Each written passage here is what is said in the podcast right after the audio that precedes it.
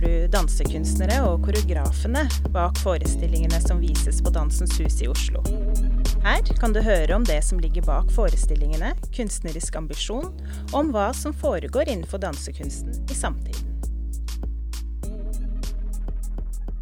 Sølvi Edvardsen er en av Norges ledende koreografer. Hun vokste opp på Grorud på 50-tallet og starta å danse hos Randi Frønsdal i 1969. Sølvi har utdanning som tekstilkunstner, og er utdanna som danser, koreograf og pedagog ved Ballettinstituttet, som senere ble Norges balletthøgskole. Etterutdanninga ble tatt i Paris ved Centre International de la Danse Moderne i Paris. Hun har òg fordypning i klassisk indisk dans. Sølvi debuterte som dansekunstner i Collage Dansekompani i 1977, og som koreograf i 1980.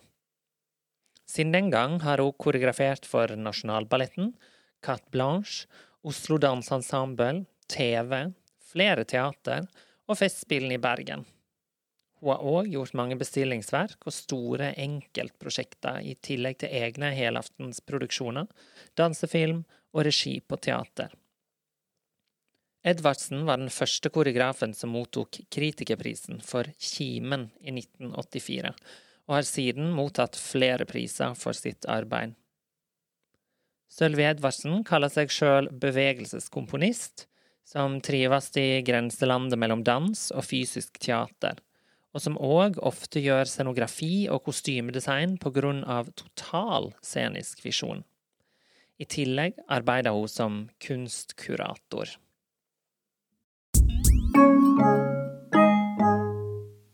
Hei, Sølvi Edvardsen. Hei. Veldig kjekt å sitte her med deg i dag. I like måte. Vi skal snakke om deg og din lange og rike karriere innenfor danskunsten. Og ikke minst ditt nye verk som skal vises på Dansens Hus.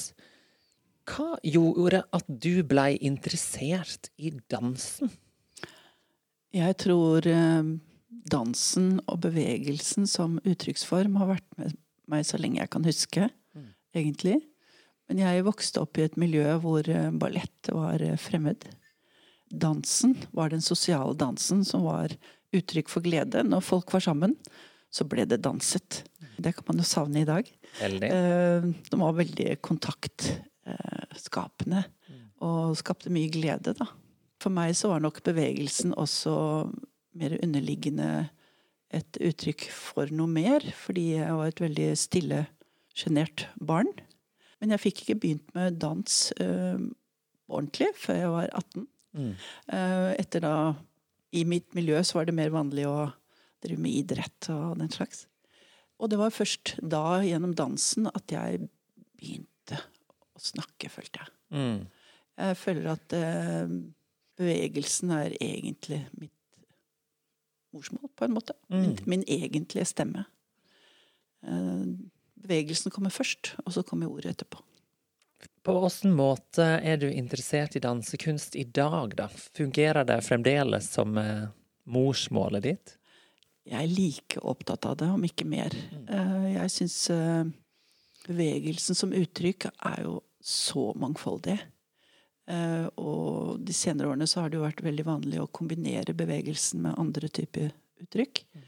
Uh, men jeg syns også bevegelsen som ren bevegelse trenger å få sin status. Syns kanskje ikke vi har kommet helt i land der ennå. Det er jeg veldig enig i. Ja. Så jeg syns det er utrolig spennende å få mulighet til å forske i bevegelsesuttrykket. I forskjellige former.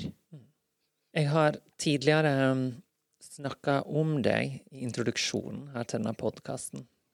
Og da har jeg nevnt Collage Dansekompani. Hvordan ble du involvert i dette kompaniet? Det var etter endt utdanning. Eh, tre år på Ballettinstituttet og et eh, videreutdanningsår i Paris. Så var det audition, eh, collage. Og der kom jeg heldigvis med. Mm. Um, det betød veldig mye for meg å komme inn i en uh, gruppe, en setting. Mm. Og ikke bli overlatt til meg selv. Åssen var det å jobbe i kompaniet? Ja, vi var jo et eh, fellesskap. Vi var en kollasj Mm. av veldig ulike dansekunstnere. dansekunstnere. Kvinner. Og vi eh, hadde forskjellige interesser, egentlig. Eh, Det vi hadde felles, var at vi jobbet hardt. Vi hadde daglig klasse. Vi danset i hverandres koreografier. Jeg debuterte da i collage i 1980. Og uttrykkene var jo en, e- det var en ekte collage. Ja. Fordi det var jeg på den ene siden kanskje som var veldig eh, lidenskapelig uttrykk. Jobbet sterkt med form den gangen, men også hadde veldig behov for innhold i formen. Mm. Eh, og så var det andre som jobbet med helt andre uttrykk. Og det, det ble også da veldig lærerikt. Fordi vi involverte oss i hverandre. Mm. Eh, så jeg syns det var en veldig fin tid. Sett litt som et fugleperspektiv på hele feltet, da, på den tiden. Du sier at du debuterte i collage i 1980. Hvordan opplevde du livet som skapende dansekunstner på den tiden? Gjerne sett litt sånn i sammenheng med dagens tilstand. Åh, jeg vet kanskje ikke helt om jeg kjenner helt til dagens tilstand, fordi feltet vårt har blitt så veldig omfangsrikt. Mm. Og jeg føler at det er mange kulturer i dansekulturen. Mm. Men vi var jo måtte kanskje hadde litt mer felles base. Ja. Vi hadde vår eh, daglige klasse, vi trente teknikk. Vi eh, jobbet fysisk eh, i ulike former. Og jobbet kanskje veldig mye ut fra oss selv, da, og hva vi selv eh, likte, også som dansere. Så jeg tenker den påvirkningen som har vært opp gjennom årene eh, Det er jo det som er spennende. At man kan bli påvirket fordi det skjer noe i feltet. Mm. Eh, Jeg pleier særlig å si jeg syns jeg har blitt veldig inspirert av hiphop-kulturen. Mm. Jeg syns det har skjedd masse konstruktivt, også fordi jeg har interesse for det som kommer fra grunnen. Mm. Uttrykksbehovet. Mm. Det er noe jeg kjenner igjen. Det har jo også resultert i at vi får flotte mannlige dansere i samtidsmiljøet, Mm. ikke minst. Mm. Vi var jo kvinner Ja. som frontet eh, moderne dansen, som det het den gangen. Samtidsdans nå. Og veldig sterkt kollegialt, syns jeg. Uttrykket i dag er jo så mangfoldig. Og noe er jo mer det vi før kalte performancekunst, syns jeg. Um, men er nå under paraplyen dans. Uh, og det er mange koblinger til andre sceniske uttrykk. Og alt er jo spennende. Uh, selv så er jeg kanskje etter hvert også blitt mer og mer opptatt av å beholde bevegelsen som hoveduttrykk. Selv om jeg også er veldig opptatt av det totalt visuelle. Eh, Fordi jeg ser veldig ofte helheten i uttrykket. Med scenografi, kostymedesign etc. Mm. Så jeg det er, Nå er det veldig mangefasettert. Vi var jo færre. Det var mer oversiktlig. Vi visste hvem som var kolleger og i andre grupper. og Det var en rik eh, mediedekning ut fra den tidens muligheter. Eh, spennende kritikere som diskuterte. Det ble snakket om på en eh, ordentlig måte. Mm. Det kan man jo savne i dag. Ja. Vi har jo nesten ikke kritikere igjen. Nei. Det er lite, lite læring. Mm. Det er lite deling av kunnskap, syns jeg. På tvers av former.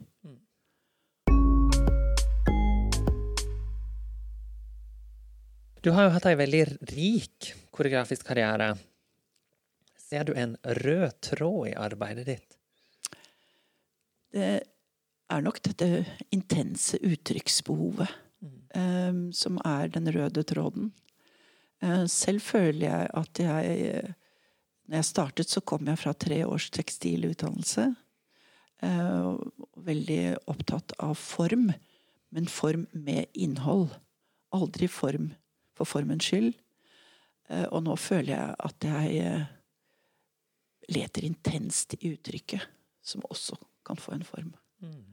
Så på en måte Men, men basen er den samme. Ja. Mm.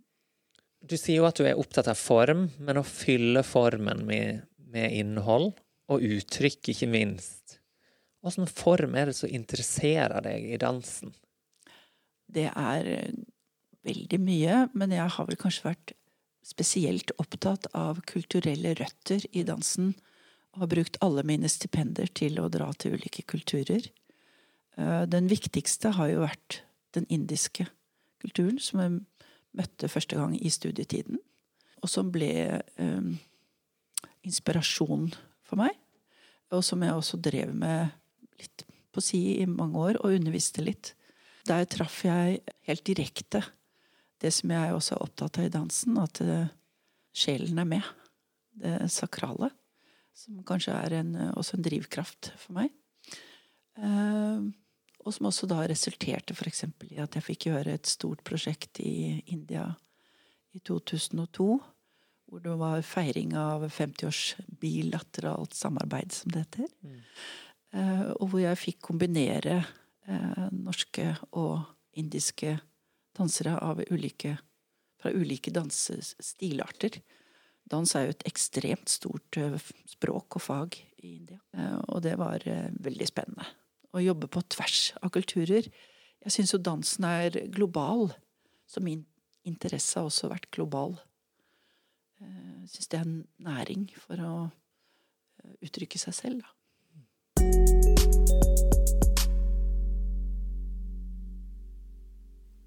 Kanskje et vanskelig spørsmål, men hvordan ser du at kunstnerskapen din har utvikla seg over tid, når det kommer til interesse jeg vil si at en stor del av meg ikke har fått bli utviklet. Mm. Fordi etter min tid eh, i kollasj, jeg var totalt tilknyttet kollasj i 15 år, så ønsket jeg sterkt å gjøre egne prosjekter. Jeg fikk veldig mange oppdrag. Eh, spennende oppdrag. Jeg elsker å gjøre oppdrag. Av forskjellig form. Men veldig, veldig ofte så har oppdragene en stram ramme. Enten når det gjelder tid eller utøvere, eller ikke minst økonomi. Og det ga liten mulighet for eh, utforsking av eh, bevegelsesuttrykket. Jeg lengtet veldig etter det, å gjøre, etter, gjøre egne prosjekter. Det viste seg å være vanskelig for meg å komme inn under Kulturrådet pga. omleggingen på begynnelsen av 90-tallet. Jeg ble regnet for å være for etablert til å søke midler. Og da kommer man ikke langt. Da jeg jobbet eh, intenst med gode mennesker som hjalp meg med det administrative, søknader. Så jeg har eh, fightet først for en trilogi med tematikk som jeg syns var viktig å si noe om. Jeg er veldig opptatt av mennesket og hvordan enkeltmennesket har det i forhold til å være i en gruppe eller ikke være i en gruppe det sosialpolitiske aspektet har vært veldig viktig for meg i egne prosjekter. Parallelt med dette så har jeg jo hatt spennende oppdrag. Og fått brukt mine andre sider. Mm. Liker å jobbe bredt. Jeg syns det er spennende å jobbe med teater. Jeg syns det har vært spennende å jobbe med Oslo Danseensemble. Eh, jeg har gjort spennende, store prosjekter som åpningen av Gardermoen. Eller med Nasjonalballetten, åpningen på Festspillene i Bergen. Altså Bolero på Konserthuset, med Filharmonien. Altså sånn bredt. Kjempegøy å få liksom bruke uttrykksbehovet sitt i ulik sammenheng, da. Mm. Men det, det hjertet, liksom, som, hvor man har fått sagt det mest essensielle, kanskje, er jo i de egne prosjektene hvor man velger utøvere. Man velger eh, formatet. Og man velger samarbeidspartnere. Mm. Um, så det har betydd veldig, veldig mye.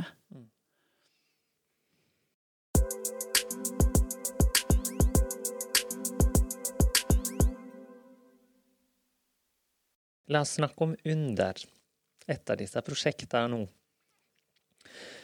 Forestillinga tar for seg eh, ensomhet som et overordna tema. Du sier jo at du er opptatt av det sosiopolitiske, eller mm. det som handler om grupperinger, å tilhøre og ikke tilhøre, osv. Hva er det som gjør at eh, du er interessert i ensomhet, da? Jeg syns at det har blitt et veldig synlig problem Mm. i vårt samfunn i dag. Ikke minst i bymiljøet. Ja. Og det er jo ingen sammenheng mellom, mellom alene og ensom.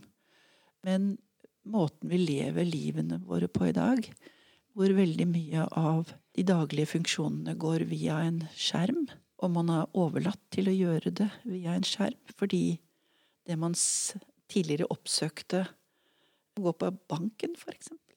Eller eh, gå på et reisebyrå og kjøpe en billett. Det gjør man jo ikke lenger. Alt kommer tilbake som en bumerang. Mm. Og så kan man egentlig leve livet sitt gjennom den maskinen. Mm. Eh, og jeg tror ikke det er sunt for mennesket. Jeg tror at mennesket trenger mennesker. Eh, samtidig så tenker jeg at vi også har blitt veldig gode til å kategorisere hverandre. For i det at vi nå ofte gjør ting alene, opplever ting alene, så leser man et menneske ut fra en fasade. Og det er så utrolig mye mer bak den fasaden enn det man evner å tolke. Mm. Så det opptar meg veldig. Jeg tror også Og det med ensomhet det går på tvers av generasjoner. Jeg syns eh, kanskje spesielt at det er problematisk for eh, unge mennesker. Mm. Eh, og alt det som går med sosiale medier og sånn, hva, hva mennesker kan finne på å utsette hverandre for.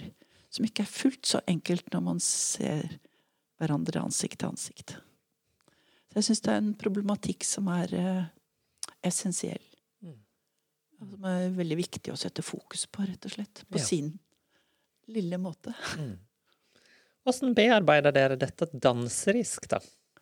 Når jeg jobber med utøvere som uh, Cecilie Lindemann Steen Jeg har jo valgt henne. Um, så er det fordi det er en kapasitet å ha dialog med. Uh, og da velger jeg å jobbe med oppgaver og respons på oppgaver. Og så bearbeider jeg og vi oppgavene i den settingen som jeg ønsker å få til. Det er krevende. Kjempespennende. Og fordi vi er to ulike mennesker, så kommer det jo noe som jeg ikke ville kunne hentet ut fra meg selv. Eh, Så det blir en veldig sånn dypt samarbeid, føler jeg da. Så det er liksom den ultimate måten for meg å jobbe med en danser på. At én danser er et univers. Mm. Under. Hva ligger i tittelen? Det er jo det som er under fasaden. Og så trives jeg med titler som har eh, flere meninger. Det funker også på engelsk. Mm. Og på norsk så betyr det også et under. Mm. Syns det med respekten for livet og enkeltmennesket er eh, essensielt. Du har nevnt eh, Cecilie Lindemann Steen. Hvem er det du arbeider med i prosjektet? Det er, eh, foruten Cecilie, så er det mm, Åsmund Feidie, komponist. Jeg har hatt eh, mange veldig gode samarbeid med.